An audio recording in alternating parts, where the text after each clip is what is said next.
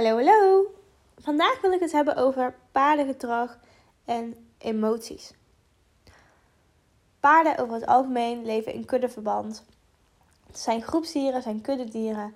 En die scannen constant de omgeving af. Op zoek naar ehm, gevaar, naar, naar eten, naar fijne energieën, naar trekpaarden waar ze naartoe kunnen gaan. Ze zijn constant gefocust op gevoel om hen heen, om energievelden om hen heen, om trillingen om hen heen.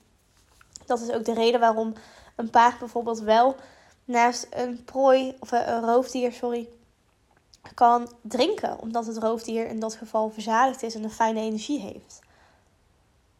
En dat is puur omdat ze scannen. Ze voelen de energie van de ander, van een ander wezen. En ze voelen van, hé, hey, kan ik jou vertrouwen? Kan ik naast jou staan, ja of nee? Kan ik veilig uh, in jouw buurt zijn? En daar vertrouwen ze op. Dus bij paarden is alles gebaseerd op gevoel, op energie, frequenties, op trillingen, op lichtvelden, alles daaromheen. Ja, ze zijn altijd aan het scannen, aan het voelen. Ze moeten alert blijven. En datzelfde is ook bij mensen. Dus op het moment dat jij met je paard iets wilt doen, een oefening of je wilt rijden en je paard doet het niet, ga dan eens naar binnen en ga jezelf eens afvragen of jij een emotie bij je draagt die voor jouw paard verontrustigend kan voelen. Of waar je paard zich onzeker door voelt. Of niet veilig. want als jij, stel je bent zenuwachtig voor iets. Nou, je ademhaling zit hoog. Uh, je houdt je spieren vast. Je bent zelf uh, niet bij jezelf. Hè? Je bent buiten jezelf op dat moment, want je bent zenuwachtig. Dus je bent niet helemaal in lijn met je gevoel. Eigenlijk straal je dan uit van hey, er is iets anders. Er is iets waar ik zenuwachtig voor me zijn. Ik ben het behoeden. Dus jouw paard die neemt dat over. Die denkt, oh, mijn mens heeft een, een krokodil gezien of een leeuw. en die is op zijn hoede. Dus logisch als jij dan een oefening wil doen en jouw paard weigert. Of doet het vanuit stress of heeft heel veel stress bij zich op dat moment. Het is logisch omdat jouw paard eigenlijk jou spiegelt en jou indirect dus vertelt jij hebt een emotie bij je die alle alarmbellen af doen gaan. En vaak geven onze paarden dan de schuld van ja, hij doet het niet, hij heeft er vandaag geen zin in, hij is vervelend vandaag. Maar dan komt er nog een frustratie-emotie bovenop, een boosheid-emotie, misschien wel een verdrietige emotie. Al die lading, die komt er nog eens bij. Waardoor als gevolg de meeste paarden exploderen of waardoor het gedrag nog erger wordt. En dan vragen wij onszelf af waarom. nou ja, vanuit een paard gezien, vanuit de paardenwereld, is het zo ontzettend logisch. Wij dragen zoveel met ons mee wat onze paarden totaal niet dienen en wat onszelf eigenlijk ook totaal niet dienen. Een paard kan daarin ook veel makkelijker filteren en veel makkelijker loslaten. Een paard heeft een emotie in een momentum. Dus op het moment dat bijvoorbeeld jouw paard lekker aan het eten is en er komt een ander paard bij en jouw paard vindt dat niet fijn, die wil zijn ruimte bewaren, die doet zijn oren naar achter en die zegt tegen het andere paard: hey, dit is mijn ruimte, weg jij. Nou, het andere paard gaat weg. En dan kan het best zijn dat over twee of drie minuten jouw paard weer met datzelfde paard staat te kroelen, staat te groemen. En dat is omdat een paard in het momentum een gevoel heeft. Dus die geeft heel duidelijk grenzen aan van... hé, hey, ben ik niet van gediend? Joe, weg. En laat het weer los. En dat is iets wat wij mensen niet doen ook. En wij houden emoties heel erg lang vast. Dus stel iemand heeft jou een keer onrecht aangedaan... dan blijf jij jezelf daaraan herinneren. En herinneren en herinneren. En dat kan soms jaren doorgaan. Dat je diezelfde emotie hebt als je weer denkt aan die nare ervaring. En dat zorgt voor ballast die eigenlijk um, jou totaal niet dient en die jij onbewust heel lang met je meedraagt. En een paard heeft dat totaal niet. Die reageert in het moment, die laat los. En daar kunnen wij nog heel veel van leren. Maar even terug naar het communicatiestukje. Een paard is altijd eerlijk, is altijd aan het bekennen, is altijd aan het spiegelen. Vertelt jou eigenlijk altijd wat er in jou leeft. En het is aan jou de taak als diereneigenaar, als, als dierenliefhebber, om eens te gaan kijken van waarom doet mijn paard zo? En wat draag ik met me mee? Wat het zou kunnen veroorzaken. En dan heb je natuurlijk ook nog de ruimte, kan ook een, een ding zijn.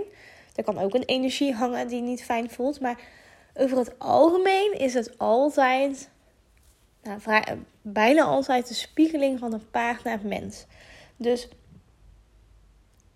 in deze is het echt een uitnodiging om eens te gaan kijken door de ogen van je paard. Waarom voelt je paard zich niet veilig? En als je paard zich niet veilig voelt, hè, als jij een emotie bij je draagt die jou niet dient, maar die je op dat moment even niet opgelost krijgt, of uh, niet de ruimte kan geven om nou, te laten zijn, spreek dan met je paard af van oké, ik zie je, ik hoor je, ik begrijp je, ik snap waarom je doet wat je doet. En we doen het wel een andere keer. we lossen het wel even zo op. Want om op dat moment dan te gaan pushen en te, en te forceren, dan wordt het erger. Dus het is soms ook gewoon oké om te erkennen van ja, je hebt gelijk, ik zie het, ik snap het. Ehm, we doen het wel een andere keer. En als het echt niet kan, stel je bent echt in een situatie waarvan je denkt, ja, maar ik moet nu hier langs of ik moet nu um, hierheen of daarheen. Oké, dan maak je de afspraak met je paard van oké, nu moet het. Nu moeten we er even langs. Maar ik, ik begrijp en ik hoor en ik zie je wel. En ik word daar niet boos op. Ik heb daar niet een extra uh, frustratie of verdriet emotie bovenop. Dus wat de paarden doen is ons constant spiegelen en reflecteren wat er in onszelf leeft.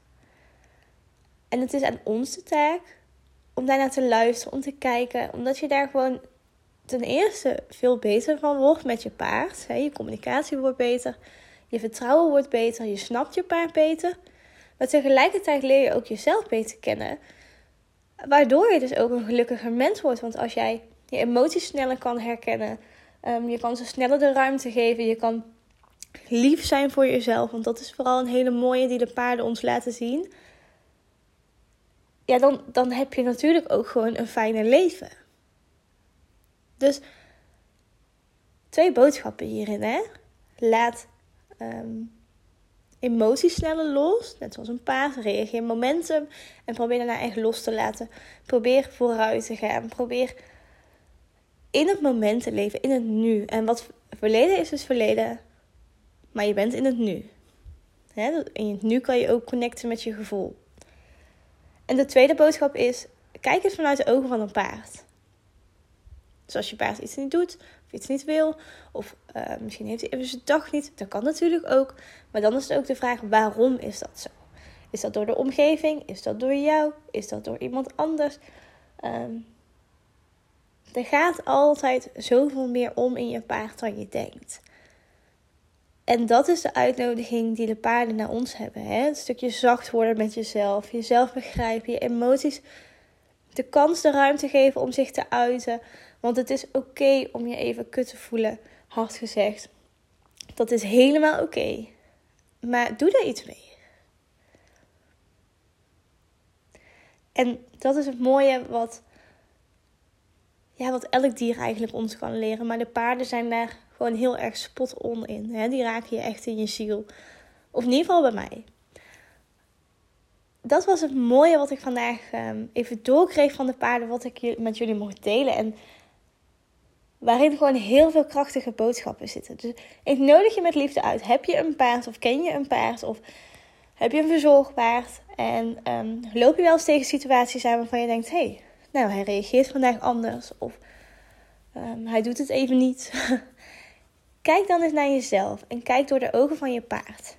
Dat gaat jou en je paard zo veel helpen. Dan wil ik je bij deze bedanken voor het luisteren weer naar deze podcast. Een korte vandaag. En um, nou, hopelijk heb je er wat aan. Laat me ook vooral weten als je verschil merkt. Als je bijvoorbeeld een casus hebt waarvan je denkt: ja, maar ik weet het even niet zo goed. Laat het me ook vooral weten, want ik vind dat super leuk om je te helpen en om je inzichten te geven. Ehm, ja, en dan heel graag tot de volgende keer.